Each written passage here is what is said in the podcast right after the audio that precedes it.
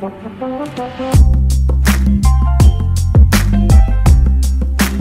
for at du har tunet inn på Fysi podcast.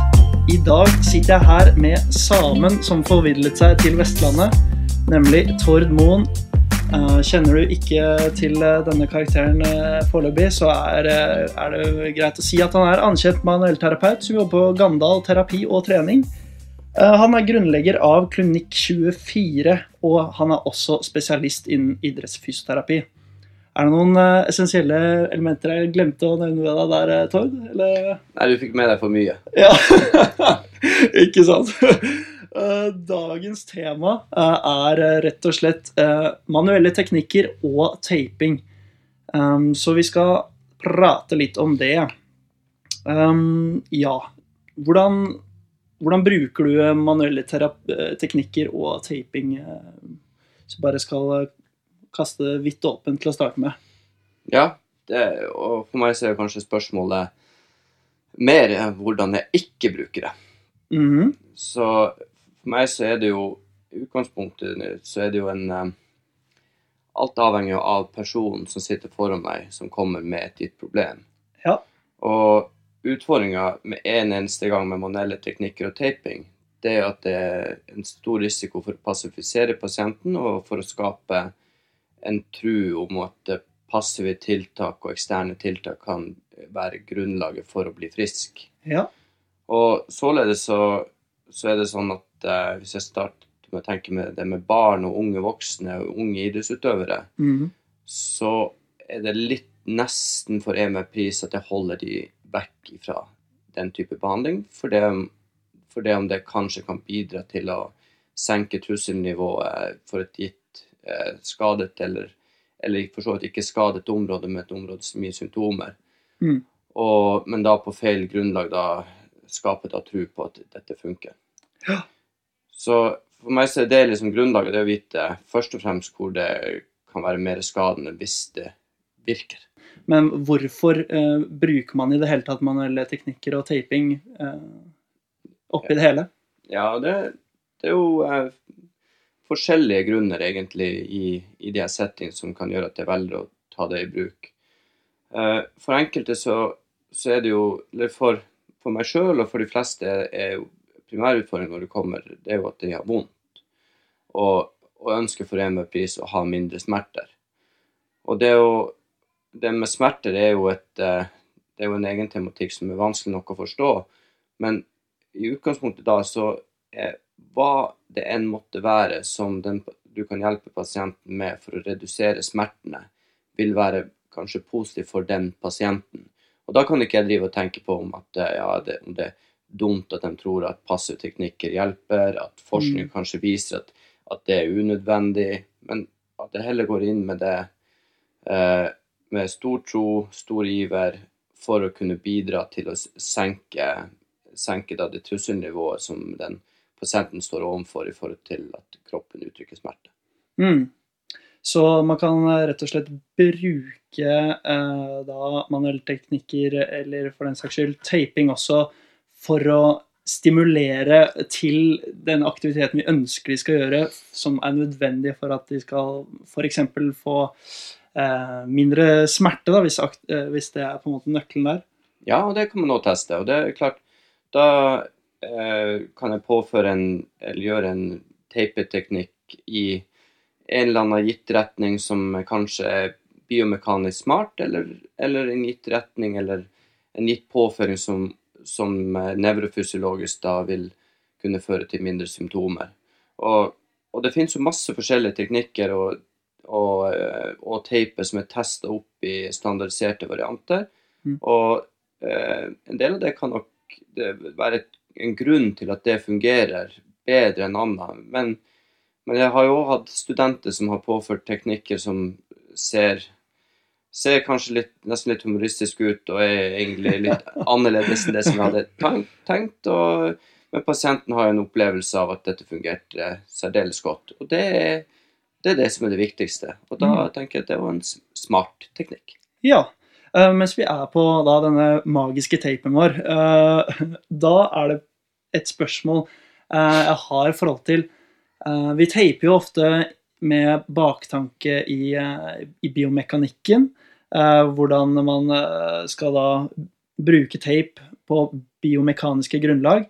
Kan man endre Kan man endre biomekanikken vår med tape? Ja, altså hvis du ser på Det er jo enkelte studier som har vist at det er mulig. og Det er f.eks. den low, klassiske low die-tapen, hvor du gjør et uh, vertikalt løft av osnovicularet i forhold til å øke da, lengdebunnen i foten. Mm.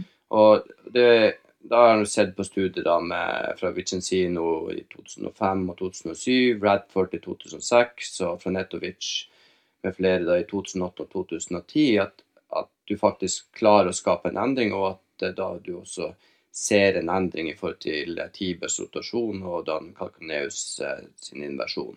Okay. Så, så du får sett biomekaniske endringer.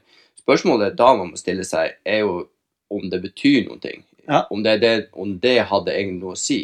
Mm. Men det jeg tenker da, hvis, hvis du skaper en biomekanisk endring, så er det ikke nødvendigvis den retning endringa eh, gikk, som hadde noe å si.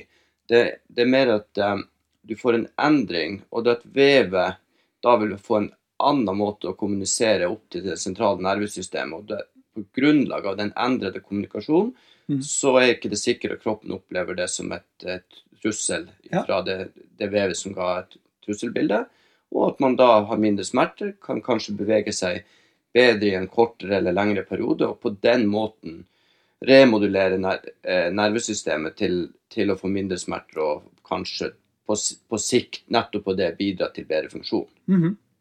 Og det er for så vidt studier også som man ser det på, eh, på mobilisering av eh, kapet humor i glenomeralledd og på, kadavernivå, Mm. men som også har sett at du kan få, få en viss biomekanisk endring. Spørsmålet eh, blir jo akkurat det samme igjen, om det er biomekanikken eller om det er nevrofysiologiske aspektet av det som bidrar til effekt. Ja, det er et veldig godt poeng. Eh, det var et usedvanlig godt svar på biomekanikken. da. Eh, hva med den andre delen vi har i forhold til det vi ofte taper for? Altså endring av propriosepsjon, eller kan vi, kan vi gjøre noe med propriosepsjonen ved å tape et ledd, f.eks.? Ka- Kanskje. Altså, her er det også eh, gjort, det er gjort enormt med studier på det med på, på ankel. Mm. Og sånn, i bunn og grunn så var det jo veldig mange som viste at eh, man fikk proprioceptive endringer i, de, i eh, mekanoreseptorene. Mm. Og det er om man bruker ki- kinesotape eller vanlig tape eh, etc. Ja. Men så er det jo studier igjen som viser at, at det ikke bidrar til noe spesielt. Mm. Det som på en måte kommer, det ender opp med litt at det, relevansen på det her, det er jo på type invasjonstraumer, som det ofte blir den kliniske, klinisk relevante som kommer inn. Mm. Og det, det man ser da, at eh, ved å teipe eller bruke ankelstøtte som en ankelstype sokk, så bidrar det til, eh, til færre reskader. Så det har, man, det har man sett da på type studier tidligere. Og det er klart, det, og du skal teipe, så bruker du mye teip, det tar tid, så er det kanskje bedre med en sokk. Ja. Men for så vidt så er det jo også sett den, bruke bruker den eh, anteriør til posteriør taping eh, av fibulahodet, som, som er med på å skape et eh, både taktil stimuli, muligens et lite biomekanisk eh, trykk i form av at foten holdes i en invertert posisjon, og, Mm. og at du da eh, kan være med på å forebygge den, den type skader. Så. Mm. uh, så uh, det er jo helt åpenbart at dette har vært et interessant eh, tema for forskere eh, opp igjennom. Eh, igjen så er det jo da tilbake til nevrofysiologien. Vi kanskje ser den største Det er der vi får kanskje henta mye da, i forhold til i, i klinisk behandling. Eh, det er jo, Jeg har tidligere også hatt f.eks. en pasient da, med patellofemorale smerter. Eh, og som eh, student så har jeg veldig, eh, jeg har hatt lyst til å lære meg å teipe. Så det har egentlig vært viktigere for meg enn for henne å teipe det kneet. Og når jeg spurte da neste gang eh, om eh, det føltes ut som eh, det hadde hjulpet, så var svaret ganske enkelt nei. Eh, og det var jo det var kanskje mer at jeg eh, var primus motor eh, for taping. Og det jeg tenker da, at når vi har så mange eh, flotte biomekaniske og eh, proprioseptive eh, tanker rundt taping, da, så kan jo det fort kan jo ta en stor rolle i behandlingen. Eh, hva er viktig å tenke på når vi skal bruke ja, f.eks. tape da, eh, i behandling med hva, er viktig at du spør om? Hva er, hva viktig å kartlegge før det er indikert å gå for denne løsningen? Ja, det, for min del så har jeg noen kan man skal si noen Jeg er jo litt biased. Jeg, som alle andre så gjenkjenner jeg visse typer smerter, plager og bevegelsesmønster som som jeg tidligere har sett eh, kan ha en effekt av taping. Mm. Og eh, for å prøve å, å, hindre at det går i fella, så, så, eh, så, prøver jeg så godt jeg kan å teste gjennom aktive løsninger, aktiv, aktivering, forklaring, trygging etc. Og så hvis jeg ser at jeg ikke får den responsen jeg vil, så vil det kunne være aktuelt å gå videre til å, til å teste taping. Og da, hvis jeg først går inn på det, så overselger jeg det til luxe. Ja. Og da da bruker jeg eh, placebo-mekanismer og forventningsmekanismer for alt det er verdt. Ja. Og når det kommer til taping, mm. så er taping et av de hva man skal si, de tiltakene som alle er ekstremt preprima til å få effekt. Absolutt alle. Og da er det både i forhold til den terapeutiske effekten, men også til teipen. Mm. Det er veldig, veldig enkelt. For det fins nesten ingen som ikke har hatt enorm effekt av å få klistra en lapp på et sårt kne eller lignende. ja, og terapeuten er mor. Ja. Så det er jo klart at her ligger det på ryggmargsnivå ja. en mulighet. Yes. Så, men jeg sier jo ikke det. Men jeg skjønner at den forventninga, den kan jeg faktisk bruke. Og, det, og jeg, tror, jeg tror faktisk personlig at det kan faktisk ligge noe bak det. Ja, og absolutt. Jo, eh, vi ser jo at eh, hvis du gir eh, en femåring i dag et Pokémon-plaster, det funker så det synger. Og kanskje det også da er slik at hvis vi får litt farge på denne tapen vår, da, at det også det gir en litt sånn annen opplevelse. Der, og, og når, apropos når du sier farge, så vet man at f.eks. en blå pille større, gir større effektstørrelse enn en rød pille. Ah, ja. Så for, farger betyr noe. Og, ja. og, hvis man går videre inn i placeboen For at når du igjen skal bruke dette som det ikke finnes en eneste systematisk review som vil understøtte, mm. så du er nødt til å gå ned på, eh, på lavere, lavere, nivå, og så må du understøtte det kanskje av annen type teori. Mm. Men på placebo så er det faktisk Hvis du gir en medisin med godt humør kontra dårlig humør, mm. og, og, faktisk Du kan enda putte at du har placebomedisin og vanlig medisin, og så kan du gi begge deler, både placebo og vanlig medisin, med godt humør mm. eller dårlig humør. Og da vil du se at til, til, slutt så vil effekten av å gi selve medisinen være på, være på 50 eller 50-50, men du vil få en økt effektstørrelse mm. basert på humøret. Mm. Også om det er placebomedisin. Ja. Det så det er faktisk humøret til terapeuten kan også bidra. Ja. Så det er liksom å være en blid type som har den rette fargen, og i tillegg har trua på teknikken. For det er studier som viser f.eks. manuelle teknikker, at mm. har du trua på egen teknikk, ja. så er, er, det faktisk en av de tingene som også er essensielt for at pasienten skal få effekt. Ikke sant. Så nå er vi jo er vi jo liksom nesten avspora fra det som heter eh, eh, altså etisk medisin, på en mm. måte. Men samtidig så er det faktisk kanskje en viktig del i forhold til smertemodulering. Det er veldig viktig, men det er interessant det med eh, det etiske oppi det her. Eh, fordi er det, er det etisk korrekt å bruke eh, placebo for, for å nå målet? altså tenker jo da på at placebo er en svært uforutsigbar uh, faktor. Det er ikke noe vi kan kontrollere. Uh, sågar hvis du ikke trykker på de rette knappene for den rette personen, så kan vi også få en, en såkalt nocebo-effekt. Det er veldig sånn, ukontrollert klinisk faktor vi har her. Så hvordan, hvordan er det etisk korrekt å bruke det her i, i klinikken eh, dag inn og dag ut da? Ja, det er mange måter å diskutere på det. Men du kan jo faktisk eh, se på studier hvor du forteller at du får, gir en placebomedisin, Mm. eh, og at du, er, at du er ærlig med det. Eh, sånn at til og med det kan også gi en effekt. Så du trenger jo ikke, du trenger ikke lyve om de tingene. Du kan jo til og med forklare hvorfor du gjør det, Ja. og du klarer likevel å få en, eh, få en effekt. Mm. Den Placebomekanismen vil jo også kunne variere fra individ til individ basert på den eh, forventninga av effekt. Mm. Og selvfølgelig, som, som du sier, det spriker alle veier. Mm. Eh, store studier gjort av eh, Rjåbratsson eh, på over 8000 individer viste jo at det er liten evidens i forhold til placebo, men enkelte studier viser effekt på smerte. Okay. Og så kommer det store spørsmålet. Da Mm. er det jo da Er studiene bygd opp korrekt? Mm. Og hva er placebo i studiene? For det er så sykt mye statistiske varianter Mm. som gjør at placeboen ikke blir, ikke blir målt på riktig måte, og kan på, på bakgrunn av det få eh, mye større effektstørrelse enn det egentlig burde, burde hatt. Ja. hva, slags, eh, hva slags statistiske eh, ting tenker vi på da? Hva, hva, kan, hva er det kla, kla, mest klassiske som eh, skjer?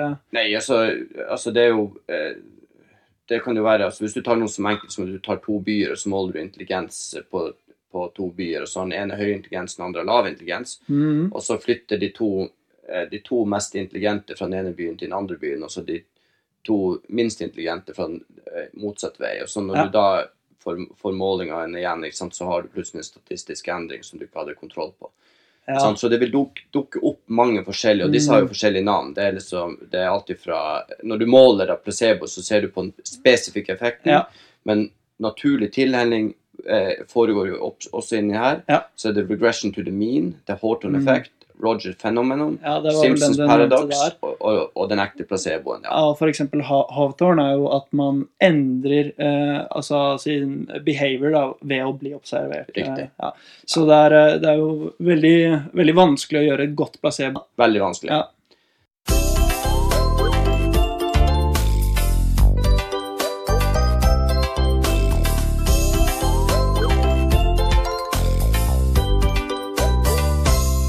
Starttiden. Ok, én, to, tre. Det er noe som ofte er i forbindelse med kontoret. Man føler seg inspirert av det. Det stimulerer de ansatte til å ha varierte arbeidsstillinger. Ergonomi.no. Veldig bra! Helt riktig. Sjekk ut ergonomi.no for flere gode ergonomiske produkter til din arbeidsplass.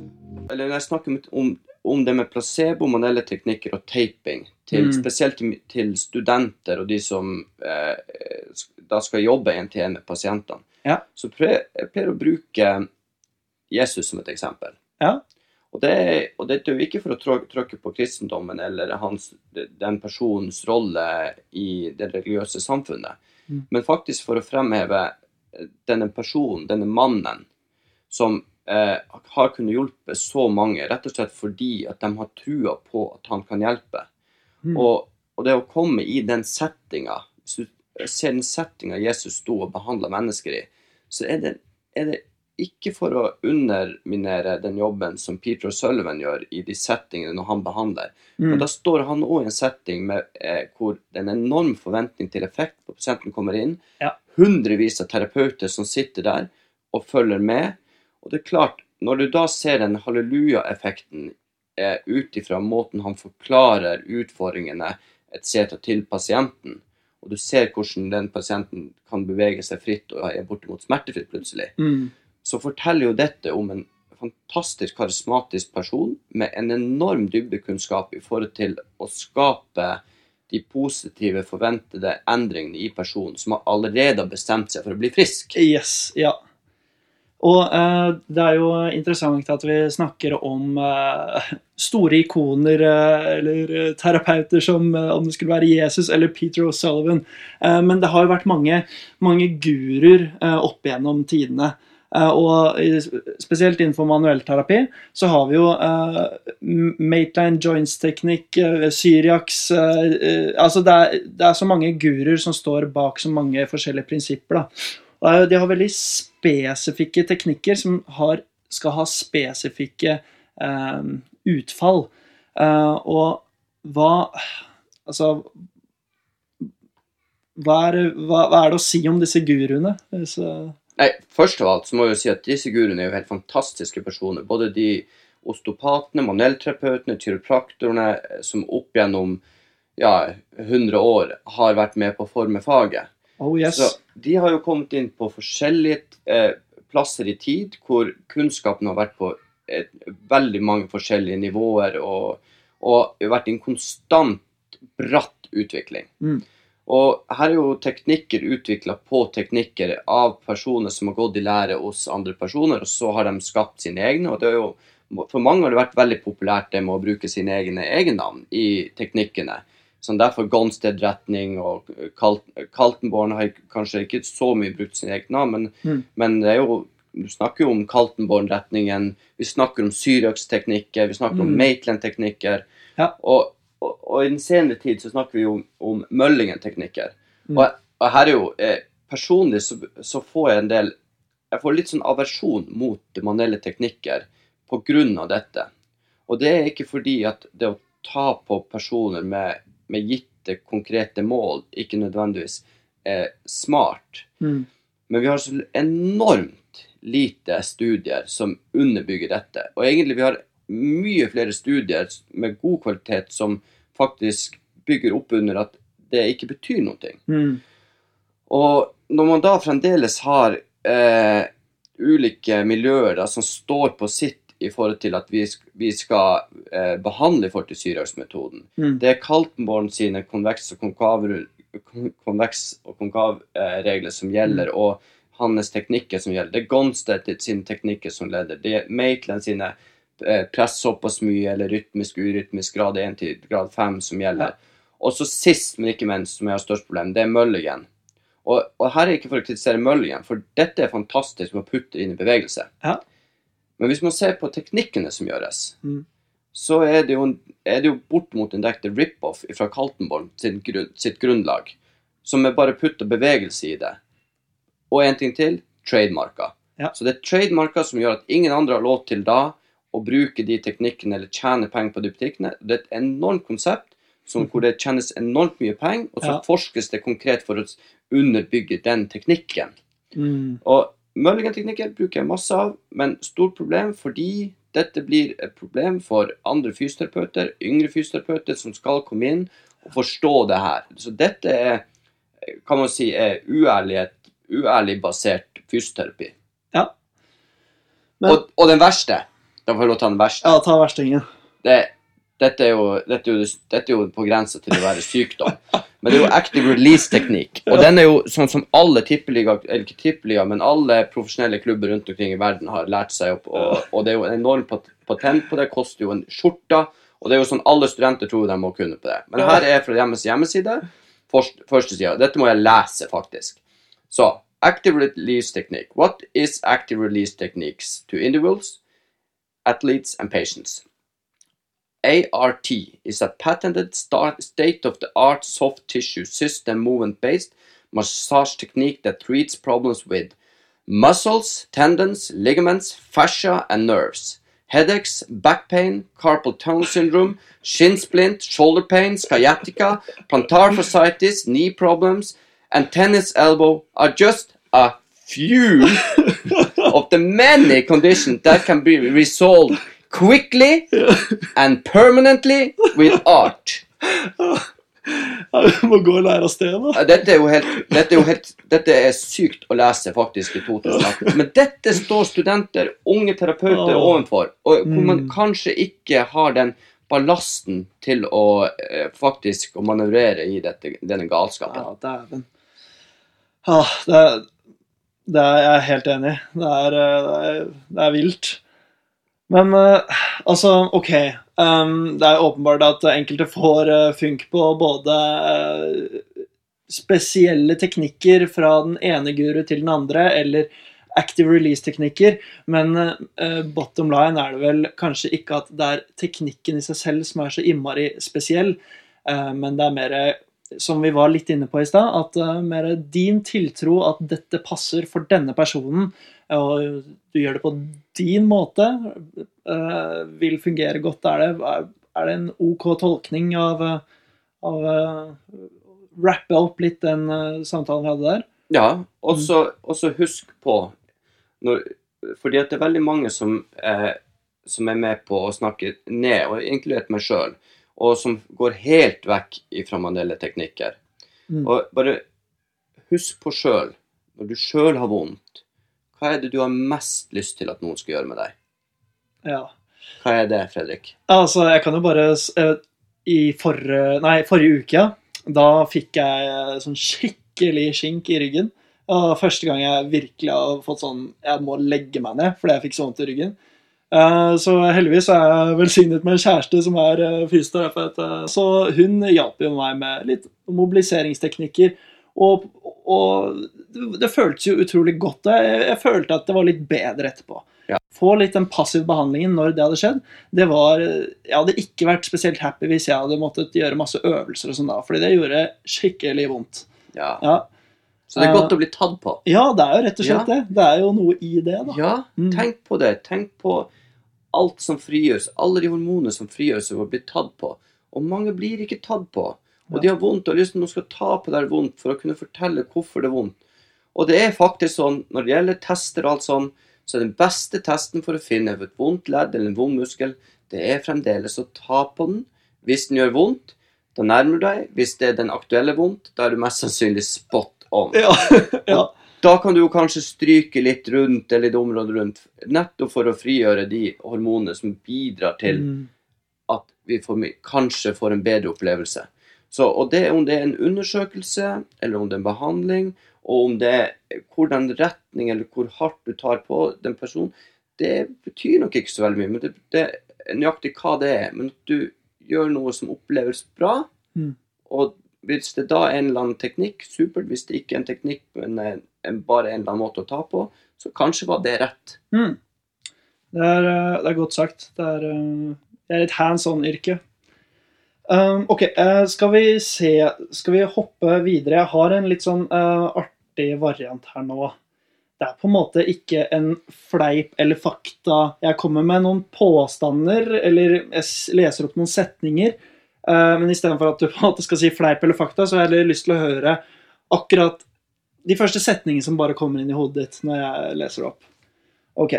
Um, manuelle teknikker for å fikse kroppsholdning. Ja, det var helt galskap. Ja. Uh, vi leser videre. Hvis ikke. Uh, korrigere sublukserte ledd. Nei, da tar det helt av med galskap. ja. Det går, altså, det går, ikke, det går, ikke, det går ikke an. Altså, nummer én, du har ikke sublukserte ledd. Altså, så det, det blir bare Dette er jo eventyr. Ja, ja. Men det, det er jo uh, mye av uh, prinsippene som baserer seg på at uh, ledd er sublukserte i, uh, i litteraturen rundt. Ja, det er helt utrolig. Ja. Og det at det går an til å tro på det, og- eller å finne noe grunnlag for det, det, det, det provoserer meg ikke engang. Det er bare Bare galskap. Ja, det er helt galskap. Godt. Ok, Hvis jeg sier uh, knekkelyd ved manuelle teknikker, hva sier du da? Ja, Det er utrolig tilfredsstillende, spesielt for terapeuten. Så når jeg får klarer å få veldig mye leddlyd, og, og det er ikke noe brudd forbundet med det, så blir jeg faktisk ganske glad. Og det, det tror jeg også veldig mange pasienter opplever. Mm. Fordi alternativet hvis jeg prøver å manipulere, det er at det ikke blir knekkelyd. Og det er jo som oftest da pasienten har fått vondt av teknikken. Så Ja, ikke sant? Uh, men hva, hva pleier du å si til uh, pasienten som spør uh, hva er det som knekker, hva er det som lager denne lyden? Hvis jeg spør, så Ja. forteller jeg bare at det, du, du kan bare spørre en virksomhetsingeniør om det, men det, det er en kavitasjon basert på basert på eh, helt normale normale si, kjemiske regler. ja, det er uh, det krypterte svaret. Uh, veldig bra. Uh, korrigere menisker slash disker som er ute av posisjon. Ja, nå er det jo, nå er det jo sånn at eh, en menisk og, eh, ut av posisjon og disk ut av posisjon eh, Altså disk ut av posisjon, da er du, da er du tilnærma lam eller, eh, eller eh, du er kjørt over en dampveivals omtrent. Så det, det er faktisk noe som ikke går an Ja. i, i, i praksis, da. Og en eh, menisk Det finnes jo enkelte menisker som har gått i lås, f.eks. i kneet. Det er nevnt noen eh, menisk som er på en måte ute av posisjon i C2, C3. Eh, men jeg har jobba i veldig mange år nå. Utdannet i 2005.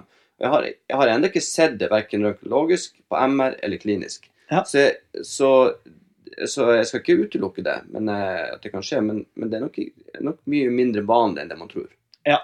Og vi korrigerer det absolutt ikke ved manipulasjon. Niks. Bra. Det, er, eh, vi, det, det var kanskje de mest gal, gale uh, statementsene jeg hadde. Den siste her nå er kanskje mer eh, Ok. Teknikker for å Altså passive behandlingsteknikker for å øke blodsirkulasjon. Hva sier du da? Ja, altså det, det, det er jo veldig mye som du blir tatt på som kan føre til at du får økt, økt blodsirkulasjon visse plasser. Men eh, bort, bortsett fra, fra det, som kanskje hører hjemme mest på soverommet, så er det jo er det stort, er det å ta seg en løpetur, eh, løpetur, sykkeltur eller annen type bevegelse vil jo føre til mangfoldige Mm. større liter av blod rundt omkring i kroppen. Så eh, blodsirkulasjon som følge av passive teknikker, det, det er også en, eh, en, en, en eventyrfortelling. Eh, Jepp. Bare, jeg skal, bare en sånn bitte liten eh, em, tanke inni her. Og det, Ja. det er litt basert på Max Husman også. Og Om det var nøyaktig det han sa, det vet jeg ikke. Men det med Hvis du tenker deg i, i ja, tenker deg i kolumna da, at eh, du, du har et område som har vært vond over ganske lang tid, så Mm. kan det jo tenkes at kroppen finner på løsninger som gjør at du ikke beveger deg, og at du klarer å holde det i ro. Så et, et, et teoretisk spørsmål er jo da at hvis du ikke klarer på noen måte å få bevegelse i det, men at du bruker litt tid med, med mobilisering, om det er bare, kun passivt eller hjelp av eh, passivt med aktiv, Mm. om det kan bidra til eh, stimuli som da faktisk er med på å skape en eh, mekanotransduksjon. Det, det syns jeg egentlig var et ganske eh, på en måte et bra spørsmål Mm. som eh, Jeg vet ikke om, om det er et relevant spørsmål, om det er et riktig spørsmål, men, Ja. men om det kan være noe i det i en, i en situasjon hvor man ikke får beveget i det hele tatt på et Ja. område, så er det, en pass, er det en, et rom for å endre da sirkulasjon eller bevegelse gjennom passive tiltak Mm. eh, i et sånne situasjoner. Jeg vet ikke, Ja. men det er et spørsmål jeg stiller. stiller. ja, men det, det er jo et uh, interessant altså, Litt sånn også det for, forhold til det vi prater om neurofysiologien, og hvilke uh, signaler da uh, dette området mater ryggraden vår med, og nervesystemet vårt. Det er jo Eller før vi går til spalten vår, så kan vi ta sånn, litt sånn kort take home message fra taping og manuelle teknikker. Um, Jeg bruker det så lite som mulig. Jeg bruker det kun hvis jeg må. mm, Men når jeg først ser at det er en stor effekt, og, og det faktisk bidrar til noe, så er jeg ikke redd for å bruke det mye. Det er for at jeg forklarer jo 80 du blir, du blir ikke avhengig av det. Ja. Så det er nøye på når det, når det begynner å bli brukt mye. Så da bruker jeg det i en fase egentlig for å få det i gang, og så faser det raskt ut. Ja, veldig bra. Da tror jeg egentlig med det at det er den perfekte overgang til vår eh, spalte. Eh, spalten heter jo som vanlig aha-opplevelser. Eh, har du noen opplevelser, reelle kliniske caser som vi kan kryptere litt for taushetsplikten, som passer å prate om i forhold til taping og manu manuelle teknikker? Er det noen aha-opplevelser du har hatt? Ja, jeg har jo egentlig ganske mange av de. Og det Jeg må jo bare si at i starten, når du får de aha-opplevelsene, så er det jo utrolig selvtilfredsstillende.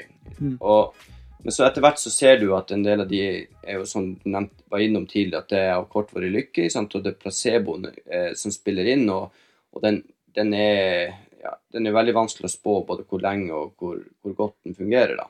Mm.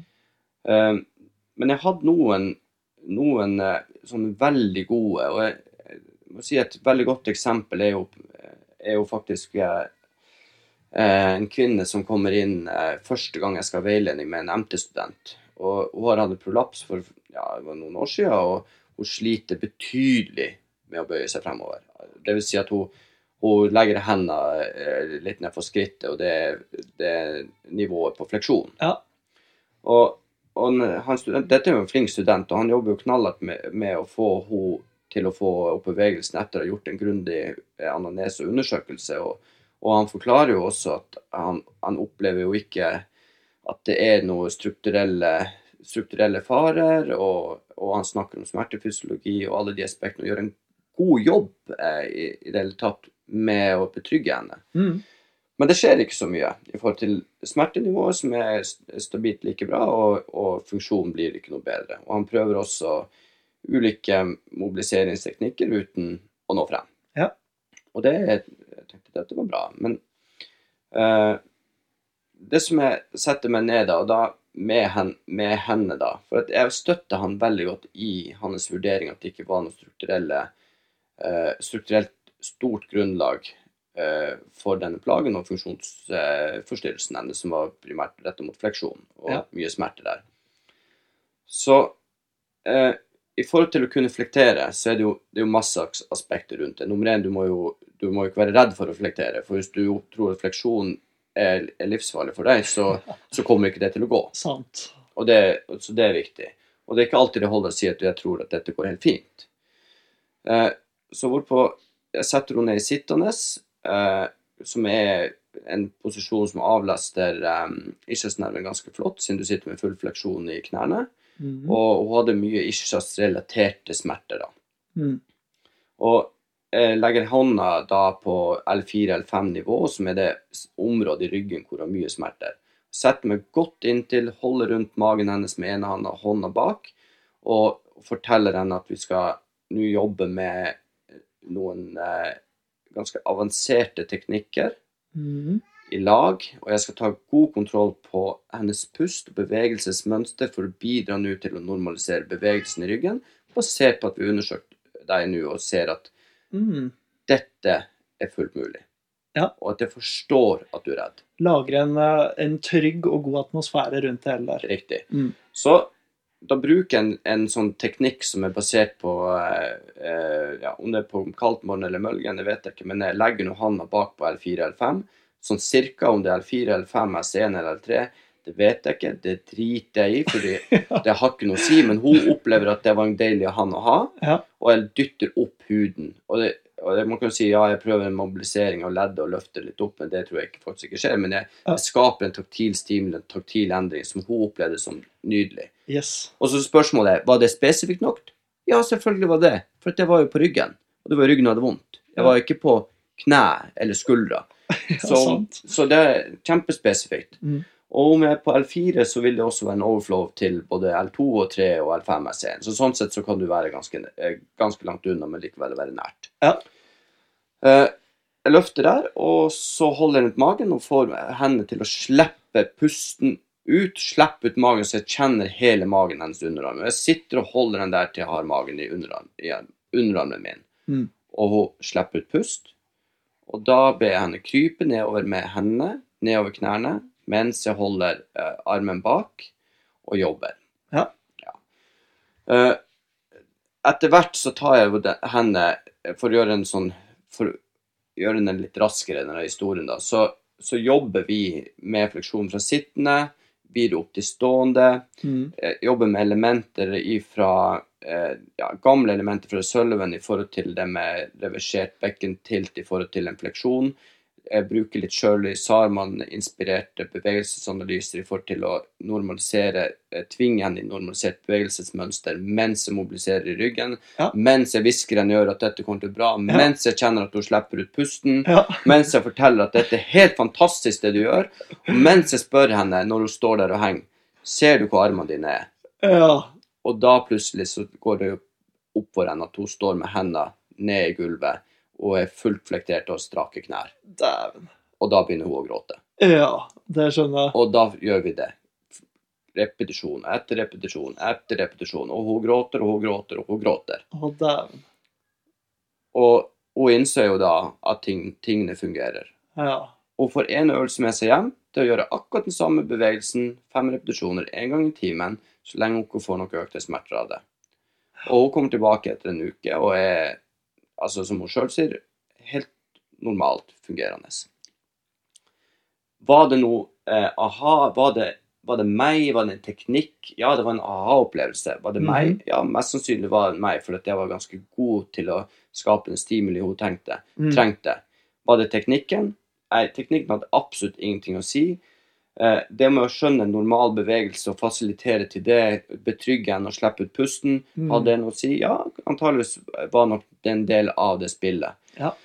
Så jeg må si at det var en fantastisk aha-opplevelse, basert på å sette en, en teknikk, eh, eller en, en, en måte å ta på en person, person, en måte på å skape eh, normal bevegelse, Mm. en, et godt samspill mellom meg og hun, og også hennes selvfølgelig overordna tro på at eh, den, den veilederen kanskje kunne noe mer enn denne MT-studenten, altså som var en kjempestudent. Ikke sant? Ja, så det var mye her, da. Ja. Ja.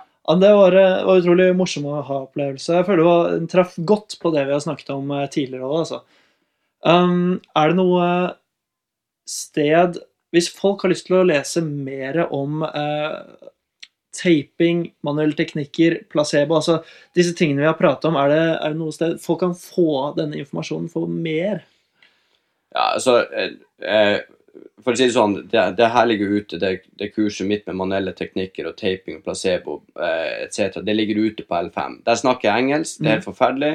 Det er nummer én for at du fordi at hvordan skal man klare å være fargerik i et annet språk? Ja. Så hvis du har lyst til å høre noe monotont, men samtidig få det helt konkret og det inndelt i kapitlet, så har jo Jørn Stian laga et fantastisk konsept på det. Det. Men det må jeg si, det er det som jeg har laga. Det finnes en haug av andre terapeuter og forskere der ute som har publisert masse i forhold til disse, disse tingene som er absolutt verdt å få med, eh, få med seg. Og, og følg gjerne The Sports Physiotherapist, eh, aka Meekins. Han er jo totalt imot manuelle teknikker og taping. Mm. Egentlig veldig bra, for da får du et nøkternt forhold, forhold til akkurat den type teknikker. Mm. Så det kan være stor verdi i det. Og så um, Utrolig koselig å kunne få lov å snakke om et tema som er, er faktisk veldig vanskelig å snakke om. Det kan være, være litt tøft i, i den, eh, den fysioterapiverdenen er å stå inne for å bruke den type teknikker. Så så nei, jeg er glad jeg fikk lov til å være med og fortelle litt om mine tanker rundt dette. Ja, jeg er også veldig glad for at jeg fikk ta prat med deg. Så tusen takk for at eh, du ville prate med oss på Fysi podcast. Så hører du fra oss igjen, vet du. Ha det bra.